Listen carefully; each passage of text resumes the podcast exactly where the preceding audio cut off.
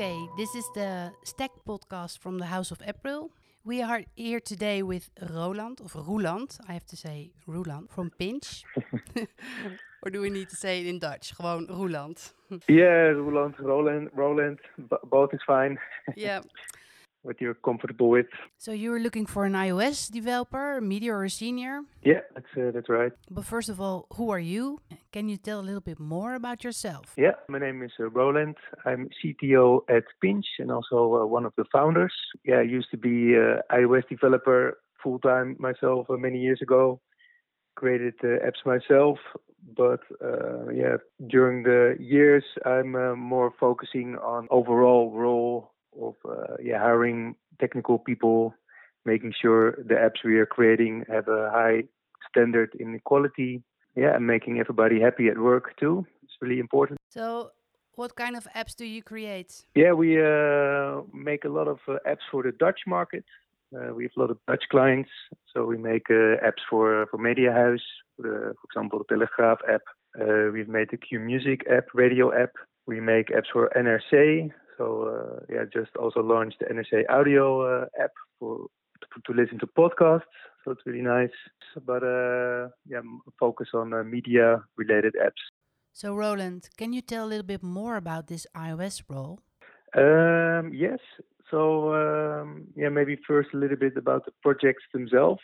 So we uh, we like to uh, help out the client from uh, A to Z, the full the full app. So from scratch to uh, to to pushing the app in the store. That's that's of course uh, the nice thing to work on.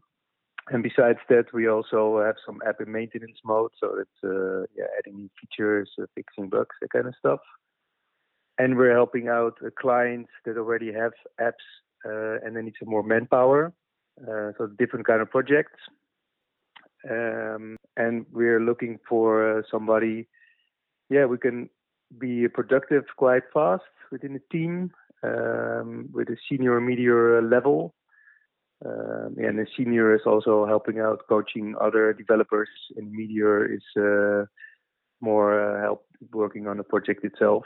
Can you tell tell us a little bit about the stack you're using? Um, yeah, so we um, yeah, at the moment we uh, use Git, of course, with Git Flow, and we have uh, uh, the, the, team sizes are fairly small, so we have one or two iOS developers in a team working on a project.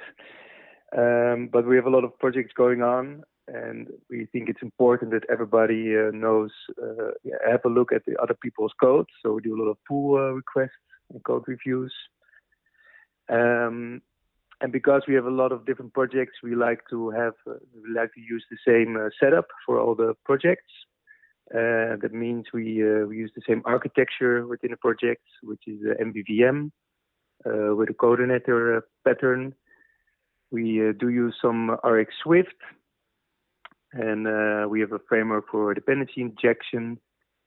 Um, but we're also always keeping an eye out for for new new ways of uh, so nothing is set in stone. We're also keeping an always keeping an eye out for, for new changes in, in the project. And and because we're um, doing a lot of different projects, we can try out things as well. So uh, yeah, that's also nice to see if yeah if a new architecture comes out, we can have a look if that works out for us or not. Like Flutter. Yeah, the Flutter as well. Kotlin multi-platform is something that is also uh, hot right now. So we'll also have a look how that works out in future for us. So Roland, thank you very much. You're welcome. Thank you. So if you are an iOS developer and you're looking for a new adventure, a team with new assignment, please apply for this job at our website www.thehouseofappril.com. Yeah. thank you.